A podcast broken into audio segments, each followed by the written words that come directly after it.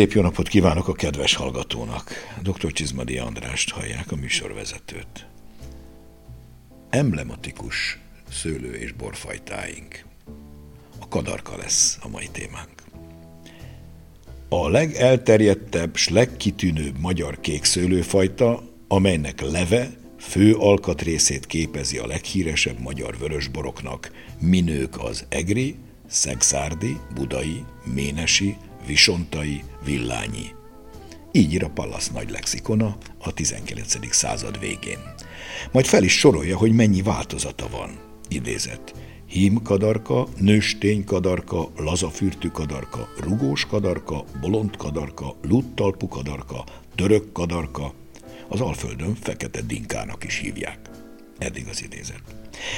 A származására nézve valószínű, hogy Kis-Ázsiából került hozzánk, a 19. századra és még sokáig a második világháború utánig is domináns fajta volt. Valóságos hungarikummá vált. Minden tisztességes magyar kocsmában legtöbbször ez volt a vörösbor, és a Schillerbort is általában ez adta. Aztán a Kádár korszakkal eltűnt nem akart engedelmeskedni a nagyüzemi művelésmódoknak, így leváltották, helyét átvette a mindenre hajlandó kékfrankos, ez utóbbi sikerült nagyüzemileg devalválni kellően, azóta is ebből a gödörből próbáljuk kihúzni, de erről majd később. A kadarka csak nem elveszett. Csak itt-ott maradt meg egy kevés, főleg szexárdon, ahol úgysem lehetett nagyüzemi táblákat kialakítani belőle. A piacon akkoriban egy literes sörös kupakos üvegben lehetett kadarka nevű alföldi borocskát kapni, inkább a cskán van a hangsúly. Ki tudja, mennyi és milyen kadarka volt benne. Minden esetre biztos nem ez volt az, amelyik annak idején sokaknak, köztük például Liszt Ferencnek, Babics Mihálynak, Schubertnek és Moritz Zsigmondnak, és még sorolhatnánk, a kedvence volt. A 90-es váltás után a gondos gazdák aztán lassan elkezdték megmenteni visszatelepítgetni, és ahol még megmaradt a régi ültetvényeket ápolni. Ma erről a meglehetősen hányatott sorsú fajtáról beszélgetünk, igyekszünk alaposan bemutatni, és megpróbáljuk meggyőzni a kedves, még netán kételkedő borbarátot, hogy érdemes megbecsülnünk ezt a fajtát, és nem csak azért, mert sajátunknak tekintjük, hanem mert valóban érdemes a figyelemre. Tartsanak velünk, szabadítsuk ki a szellemet a kadarkás palackokból.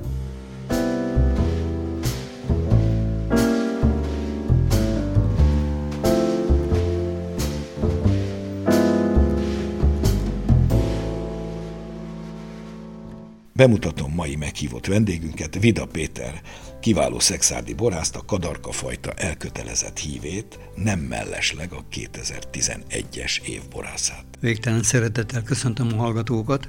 Szőlészetileg úgy tartják, hogy a kadarka egy macerás fajta. Kényes fajta, nem is könnyű termeszteni. Valóban így van? Ez teljesen így van. De amikor a kadarkáról van szó, óhatatlanul az ember elérzékenyül.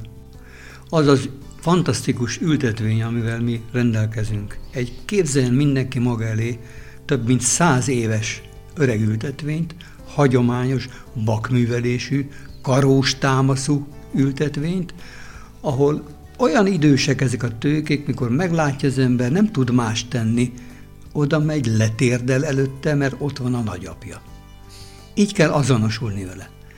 Nagyon fontos tudni, a kadarka egy csoda történet. Csoda történet, mert ha valamit, talán ezt is hívhatnánk igazi hungarikumnak, Természetesen mindannyian tudjuk, hogy a kutatók megállapították, hogy nem eredendően magyar fajta.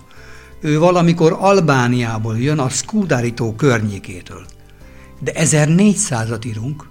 A törökök megerősödnek, előlük menekülő rácok azok, akik behozzák ezt a fajtát. Hát kérem, egy ilyen fajta ültetvényről mesélni egyszerűen gyönyörűség. Nagy örömünkre szolgált például az is, minden televíziós társaság Magyarországon észrevette ezt az ültetvényt, mindenki filmet készített róla, valami különleges, megfoghatatlan csoda. Valóban, eh, talán ezért is volt az, hogy a Kádár korszakban kiszorult, mert ahogy említetted, ez a bizonyos bakművelés, ez a hagyományos művelési mód áll neki a legjobban, és Kádárik pont nem ezt akarták, hanem magas kordon és egyebekkel próbálták a kadarkát, ami aztán persze beintett, hogy én oda nem megyek. Hát erre talán úgy válaszolnék, hogy valamikor nekem legelőször egy idős öreg parasztbácsi a következőt mondta, amikor hallotta, hogy én kadarkát akarok ültetni. Kisfiam, hallom, hogy kadarkát akar ültetni. Tudja, hogy hogy köl? Én mondtam nagy pofájúan, persze, hogy tudom. Ő nem hallgatott tovább, kezdte mondani, jól jegyezze meg kadarkát szexádon egy méterszer egy méteres kötésbe kell ültetni, mert ilyen módon meglátja, egy hektáron tízezer tőkét tud elültetni. Minden tőkén csak egy kiló gyümölcs legyen, akkor hektáronként tíz tonna, száz mázsa lesz a termése. Ha maga mindegyik tőkén egy kiló gyümölcsöt hoz, olyan borra lesz fiam, hogy a gatyájából kiúrik örömébe.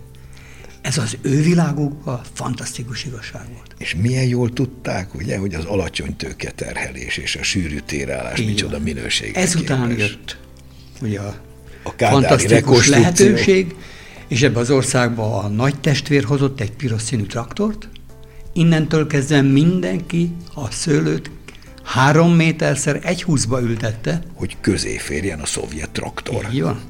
Csak azt nem vették észre, hogy így nem lett tízezer tőkét elültetni. Hanem három ezeret körülbelül. Na de előírás az volt, hogy minden gazdálkodó, aki, vagy agronomus, aki ezzel foglalkozott, azt mondták a napi rendben, hogy barátom, akkor lesz majd prémium, ha hektáronként 120 mázsát produkálsz. Na, abból nem lett prémium. Hát a képlet egyszerű, egy tőkére nem egy kilót kellett fölrakni, volt, amikor 10-15 kiló került rá. Az bizony Ezt nem érik be. a kadarkát. No, ezt tette tönkre a kadarkát.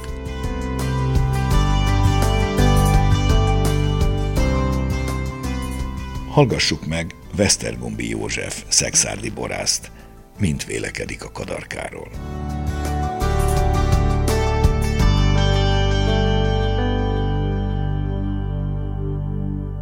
Ebben nőttem fel, és én ezt a bort ismertem meg legelőször, mint bort.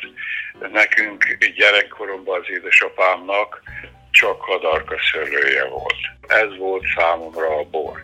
Szokták mondani, hogy az embernek vannak gyökerei. Na most ez nem túl tudományosan hangzik, de mégis vannak az embernek gyökerei, amiket nem lehet észszerűen és hát tényszerűen megmagyarázni. Az apám, a nagyapám, a dédöregapám és így tovább, ők, ők mindegyik parasztemberek voltak, és mind a két ágon, tehát az anyai és az apai ágon egyaránt, és mindegyiknek volt jelentősebb szőlőültetvénye, és ezek nyilván hát kadarka szőlők voltak. A bátyámmal, a Ferenccel kezdtük el igazándiból 89-90-ben újra megpróbálni ha tetszik divatba hozni, ha tetszik ismerté tenni a, a kadarkát, valamelyes sikerült is. Nem hiszem, hogy olyan világhódító útra indulhat el, mint néhány nagy nyugat-európai szőlőfajtából készített bor. Nem csupán arról van szó, hogy nincs elég reklámja. Szóval nem, nem csak erről van szó. Meggyőződésem, hogy arról is szó van, hogy vannak emberek, akik nem értik és nem is fogják megérteni ezt a szőlőfajtát, illetve ezt a bort, mert meg kell érni ahhoz, hogy egyáltalán valaki ezt a, a bort megszeresse és értékelni tudja. Hanvas Béla szerint a szexádi kadarka, vagy a szexádi bor a házasságok bora. Tüzes, de méltóságteljes, kerek, de mégse lenyűgöző, de barátságos, szép, szóval nagyon kellemes bor, de nem, nem egy lehengerlő valami. Nagyon sok apró finomságból áll össze az illata is, és hasonlóan nagyon sok finomságból áll össze a bornak az íze is. És talán azt hiszem, hogy ez a legnagyobb előnye a egyéb más Magyarországon szépen díszlő szőlő és borfajtákkal szemben, hogy maga az illat és az ízilág olyan szép egyensúlyban van, ami talán egyetlen egy más szőlőből készült bornál sem jelenik meg.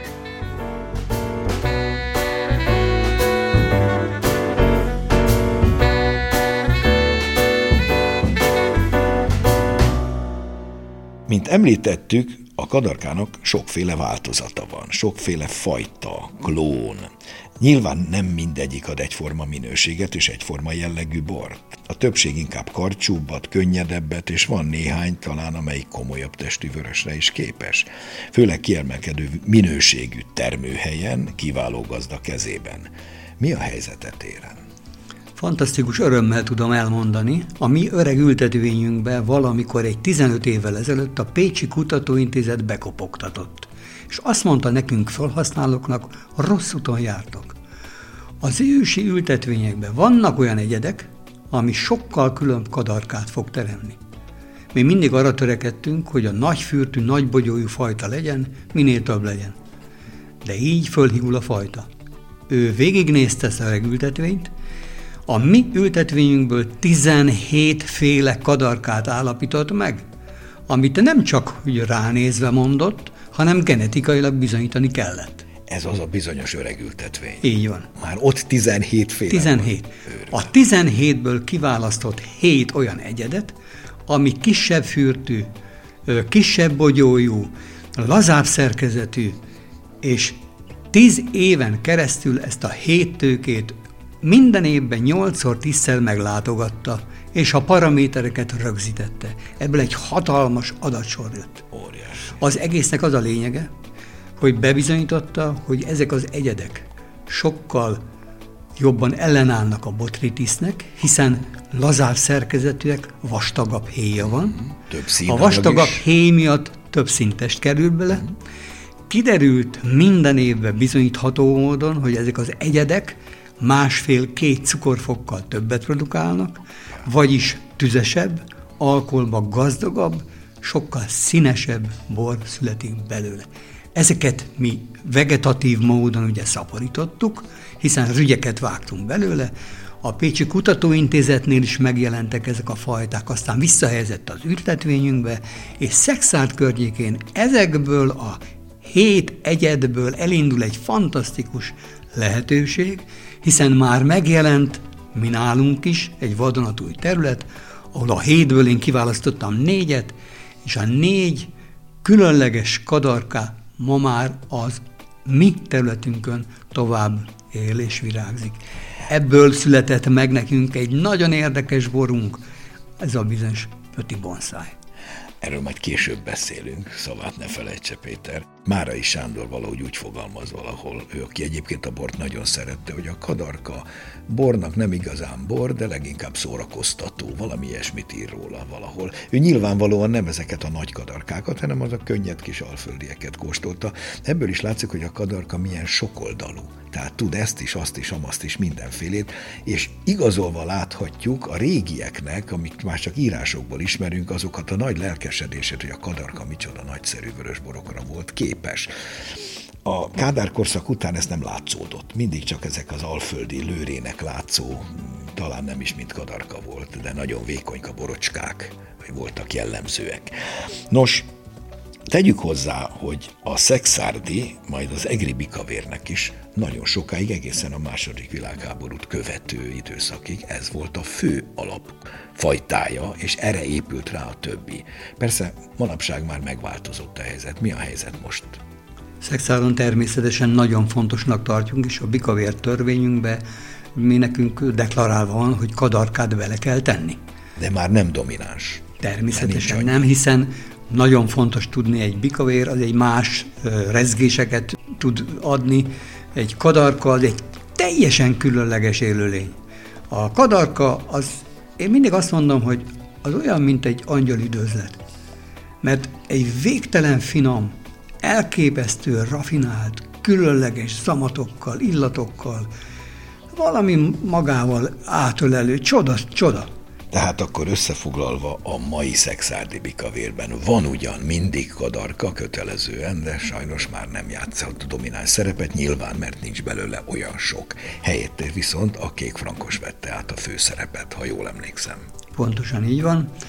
Természetesen a magunk módján, és látom, hogy a megjelenő új, ugye az előbb említett egyedekből, abból a hét egyedből egyre több ültetvényben jelennek meg ezek az oltványok, itt gazdagodni fog a környék, és komolyan hiszem, hogy azért a kadarka az nem veszett el. Szexádnak lényege, hogy a kadarkával foglalkozni akarunk, foglalkozni kell. Várható, hogy a jövőbeli szexárdi bikavérekben, ha némileg növekedni fog a kadarka arány, akár ezeknek a régi új klónoknak köszönhetően is? Egészen biztos, de még egyszer talán nagyon fontos tény, hogy az ember tudja, hogy egy bikavérnek egy sokkal nagyobb léptékű, komolyabb, töményebb, vastagabb, ugyanakkor rezgésekkel teli bornak kell lenni. Én azt gondolom, hogy maximum egy bikavérbe a 10 12 százaléknál többet nem szabad beletenni a kadarkával. De ez, kell. Ez viszont egy olyan átölelést jelent, amitől a bor megtáltosodik.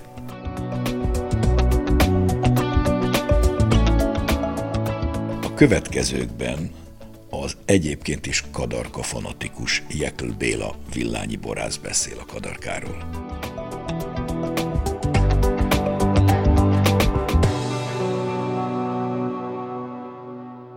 Kadarka fán vagyok, ha úgy tetszik egyébként, mert 99 óta van kadarka ültetvényünk, az ördögárakban van a szőlőnk, a kadarka ültetvényünk, de előtte ez az ültetvény, ez Oporto és Sveigelt ültetvény volt, és 95-ben gondolkodtam úgy, hogy esetleg vissza kéne ezt a kadarkát a borvidéket telepíteni, mert eltűnt a köztermesztésből, főleg a nagyüzemből, és úgy gondoltunk, akkor átoltunk akkor 300 tőkét, meg is tettük, és három éven keresztül kipróbáltuk, hogy mit tud a rozé, a sillere, meg a vörösbora. És úgy döntöttünk akkor 99-ben, hogy visszatelepítjük, és akkor egy fél hektárba visszatelepítettük ezt a kadarkát, ami egyébként a Pécsi klón, a P9-es, ennek az a másik nevéként, hogy fűszeres kadarka. És hát a legjobb helyre került a dördögárokba, ez egy délnyugati kitettség magas fekvés mellett, száraz területen igazán ez a szülőfajta éken ezt szereti. Úgyhogy most már lassan, most már akkor a 23 éves tapasztalatunk van éként a kadarka uh-huh. fajtáról. Hogyan látja a kadarka helyzetét ma Magyarországon? Sajnos szomorú dolgokat kell, hogy mondjunk statisztikailag, mert igazán az a pár termelő, aki most foglalkozik Magyarországon, és főleg a szexárdi kollégák, akik nem vágták ki a régi ültetvényeket, és vannak nekik öreg tőkéből készült kadarka boruk, viszont többi borvidéken, Egerbe, Villányban, meg az Alföldön újból van visszatelepítés, és újból foglalkoznak a kadarkával. Viszont arra gondolunk, hogy Magyarország szőlőterülete pillanatilag 50 nem több 5000 hektár, abból csak 380 hektár a kadarkat. Gyakorlatilag 1 százalék alá került a valamikori 25 százalékról ez a szőlőfajta. Innentől kezdve viszont van körülbelül 35-40 termelő az országban, akik, akik kimondottan kadarkával akarnak továbbra is foglalkozni, és ebből próbálnak egy nagy vörösbor készíteni. Ritkaságnak számít ezek szerint. Ez lehet, hogy előnyére válhat a jövőben a kadarkának? Hát akkor talán, hogyha föl fogják ismerni egyébként a fogyasztók is, hogy nekik az igényeken erre pont a piros paprikás ételek miatt szükséges, akkor az újból kell telepíteni, és újból kell ebben foglalkozni. És még egy nagyon fontos dolgot nem mondtam, ami a kadarkának az előnye, hogy hányféle frakciót lehet ebből készíteni. Klasszikusan egyébként gyors választással akár fehérbor is van, lásd szexárdiak, ugye fehér kadarkájuk van, pár órás áztatás után rozéborunk van, ha éjjel hagyjuk mondjuk 48 órát, tehát két napot, akkor abból egy sillerborunk van, ami még nem vörös, és ha kiherjesztjük teljesen, akkor egy vörös bor van. És ezen kívül van még egy kategória, ami Magyarországon nem igazán ismert, azért Ménesi borvidéken korábban is készítettek az úgynevezett asszút, az asszú szemeket, mert tud asszusodni egy pár szem, visszateszik a borba és kiherjesztik, akkor abból pedig egy édes vörös bor, egy asszúbor is készül. Tehát fantasztikus, ugye még egyszer, fehérbor, rozé, csiller, vörös és aszubor. Uh-huh. Fantasztikus, ugye? És el van felejtve ez a fajta. Azok a termelők, akik ebben foglalkoznak, azért fognak még telepíteni is, és fognak még ebből bor készíteni. A globális felemelés miatt egyre több éverebe tudunk nagy bor készíteni. Tehát kevesebb a csapadékos ősz, sokkal több a meleg, és jól beérett, jó nagy borokat tudunk készíteni a kadarkából, bárhol a Kárpát-medencében.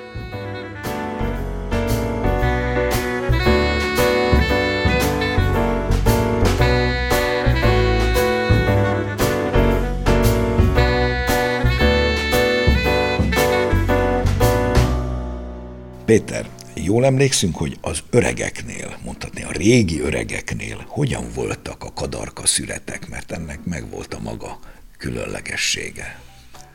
Hát megint azt kell mondjam, hogy ezek az emberek zseniálisak voltak. Egyszerűen októbernél előbb születelni kadarkát nem lehetett. És amikor az behorták régen, ugye puttonnyal, beorták a kádba, ledarálták a szőlőt. A legöregebb ember is a szüret után három óránként fölmászott a fakádjának a tetejére, Kezibe vette a fa csömiszülő bunkóját, és elkezdte csömiszölni, nyomkodni a törkölt bele a mustba. Ezt a világon mindenhol macerációnak hívják. Az egyik maceration, vagy maceration, a magyar mondja, hogy nem macerálj. Ez a szavunk innen származik. Mindenki tudta, mikor kell abba hagyni. Aztán a régiek elsimogatták a törkők alaptetejét, és egy barbár dolgot tettek. Az egész felszínt szőlőlevelekkel letakarták, és két centis vastag sárral letapasztották a kádat. És mindaki jól végezte dolgát, másnap ment a szántóra, hiszen ők mezőgazdasággal foglalkoztak. Be kellett takarítani mindent.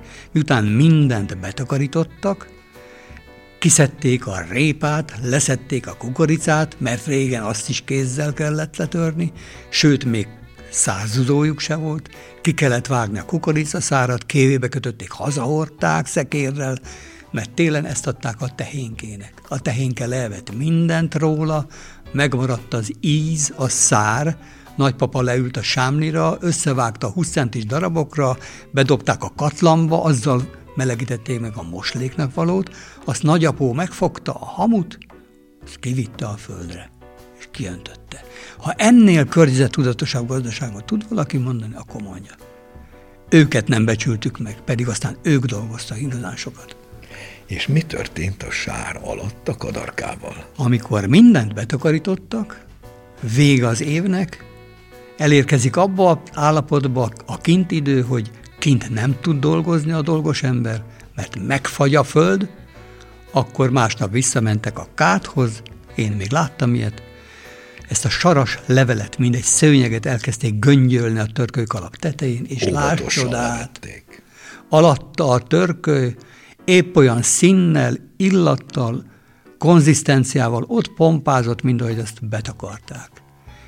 Kinyitották a csapot, és az addig letisztult, kristálytiszta kadarkát levitték a hordóba, tőttiklőbe töltötték sajtárral, gyertyafénye mögött, és megszületett a csodálatos bor. Volt valami, amiről ők nem tudhattak szegények, ezt az emberiség később fedezi föl, ezt épp Amerikába, hogy a bornak van egy olyan durva, rikoltozó sava, ez az almasav, amit nem az élesztők, hanem egy baktériumtörzs elpusztítani, vagy lebontani, ez a leukonosztaszönös nevű törzs, ez gyakorlatilag az anaerob körülmények között is végrehajtotta ezt, és végtelen lekerekedett, bársonyos, lágy borok születtek. Ez volt a valamikori igazi csoda.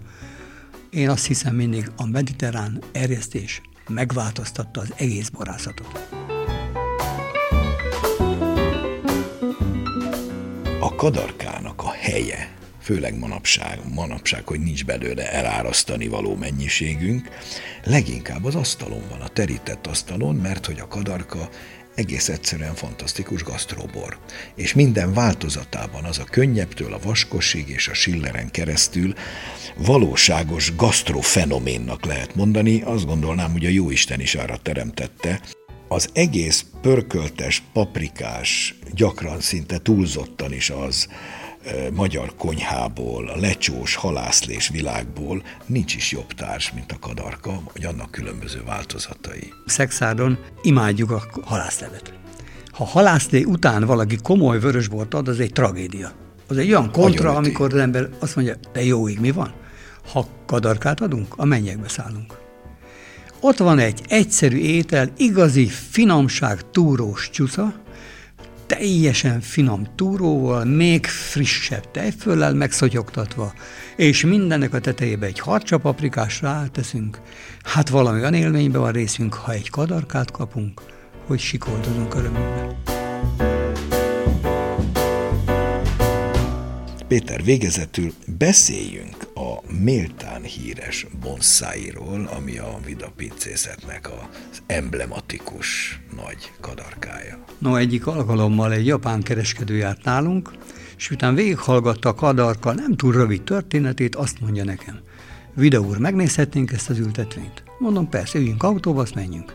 Messziről látja a hagyományos bakművelési szőlőt karustámaszal.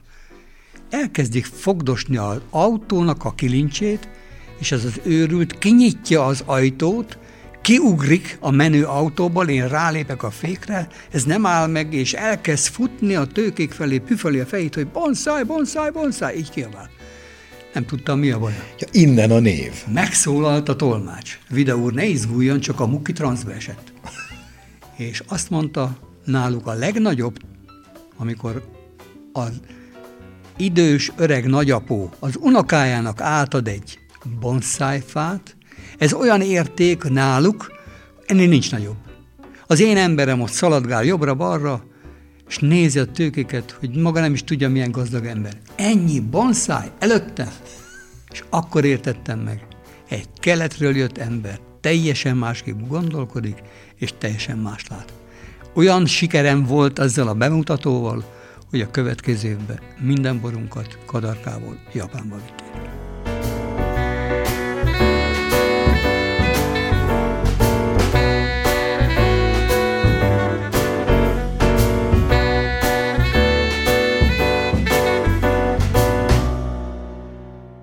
És most hallgassuk meg, mi újság a borok világában. A híreket Vajda Boglárka szemlézi.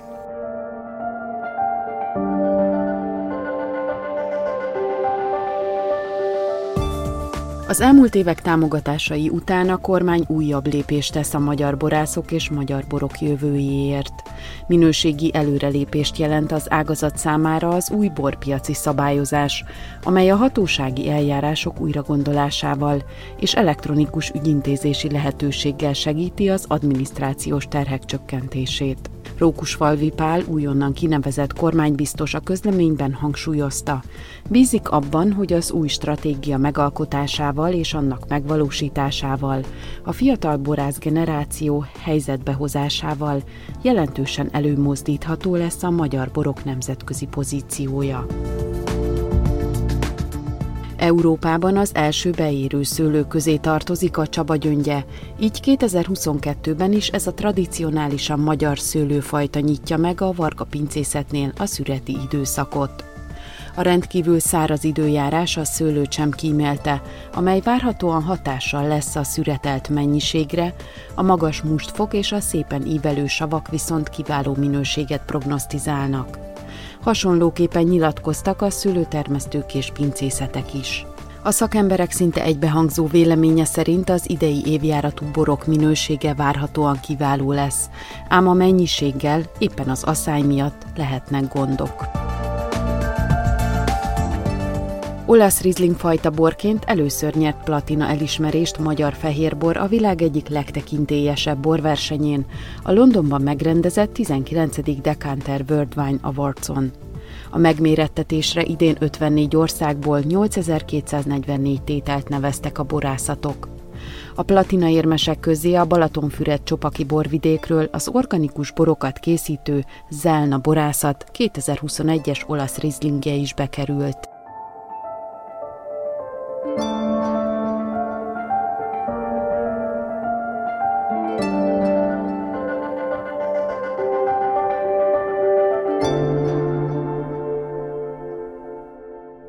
A mai műsorunk véget ért. A hangmester Bolgár Jonatán nevében is megköszönöm figyelmüket.